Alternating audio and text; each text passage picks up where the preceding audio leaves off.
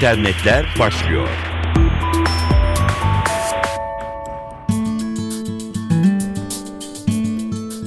Merhaba, dijital dünyanın gelişmelerini aktaracağız. Ben Dilara Eldaş.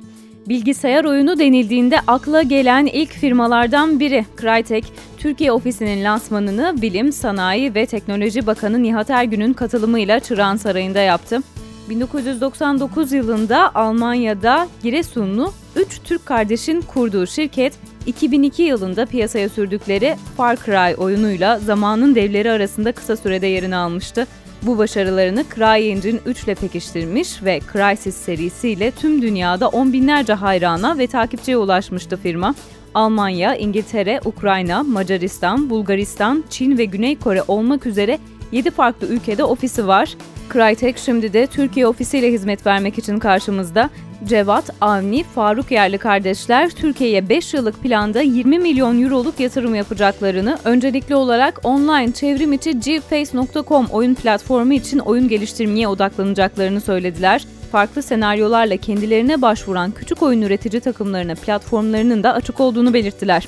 Crytek çalışan seçimi konusunda öğrenim şartı koymuyor. Bunun yerine nitelikli insan kaynağı geliştirmenin öncelikli olduğunu söylüyor. Bu 5 yıllık planda ise mobil oyunların kendileri için en önemli alan olduğunu söylüyorlar. Elbette sadece yurt dışına gidenler için değil, ülkemizde de artık yazılım geliştirmek için imkanlar artıyor. Bunlardan güzel bir örnekle devam edelim. Ankara Üniversitesi'nde bir Android laboratuvarı kuruldu. Üniversite içinde yer alan Teknokent bünyesinde uluslararası standartlarda ürünler ve uygulamalar geliştirilmesi hedefleniyor. Ankara Üniversitesi Bilgisayar Mühendisliği Bölümü öğretim üyesi doçent Doktor Refik Samet, öğrencilerin bilgisayar sektörüne duyarlılığı ve sektördeki yeni teknolojileri öğrenmek istemeleri üzerine projenin başlatıldığını söylüyor.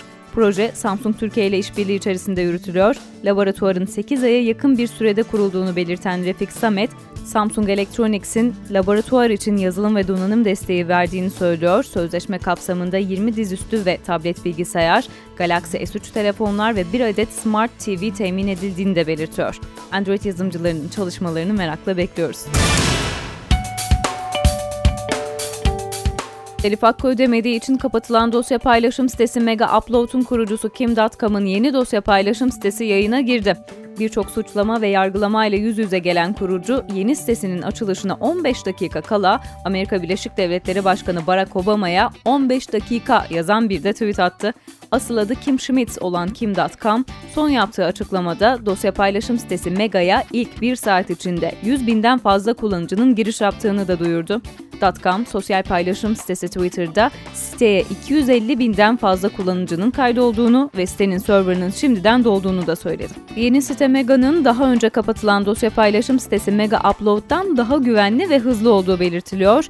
50 GB veri saklama alanı sunan site Google Drive ve Dropbox gibi dosya saklama platformlarına alternatif olabilir.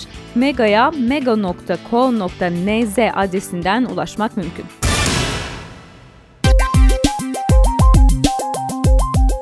Playboy'un iki internet sayfası yaşı uygun olmayan ziyaretçilerin erişimine açık olmasının anlaşılmasıyla cezaya mahkum oldu. İngiltere'nin iletişim düzenleyici ve rekabet kurumu Ofcom, Playboy TV ve de Demand Adult sitelerinde 18 yaş altı ziyaretçilerin engellenmesi için gerekli önlemlerin alınmadığını hükmetti. Playboy'un ihmalkarlığı ciddi, tekrarlanan ve pervasız bir davranış olarak yorumlandı. Ofcom, Amerika Birleşik Devletleri şirkete 160 bin dolar ceza kesti. Ofcom, sitelerin sayfalarına giren ziyaretçilerin yaşını belirlemek için bir takım yöntemler bulunduğunun altını çizdi. Kurum, porno içeriği sunulmadan önce ziyaretçiye kredi kartı bilgileri sorulabilir. Kredi kartları bankamatik kartlarının aksine 18 yaş altı kişilere verilmez diyor. Playboy TV'de ise sadece bankamatik kartına izin veriliyor. Reçetelerin elektronik ortamda yazılmasına imkan tanıyan e-reçete, elektronik reçete uygulamasını başlatan ve bununla reçete yolsuzluğunun önüne geçmeyi amaçlayan Sosyal Güvenlik Kurumu, evrakların elektronik ortamda hazırlanmasına yönelik bir diğer uygulama olan e-Sevki de 17 Ocak'tan itibaren Türkiye genelinde hayata geçirdi.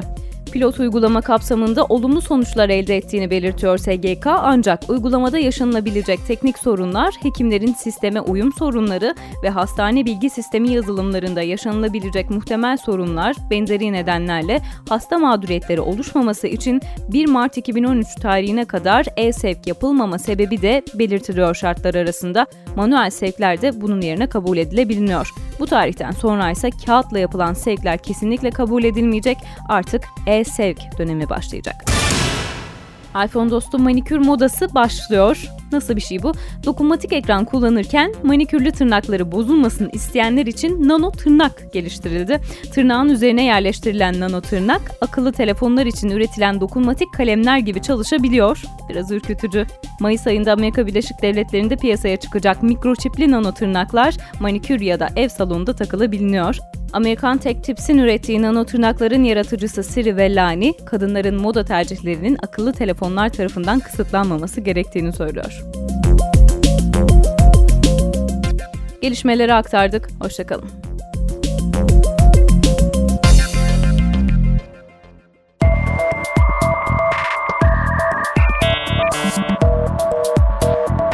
İnternetler sona erdi.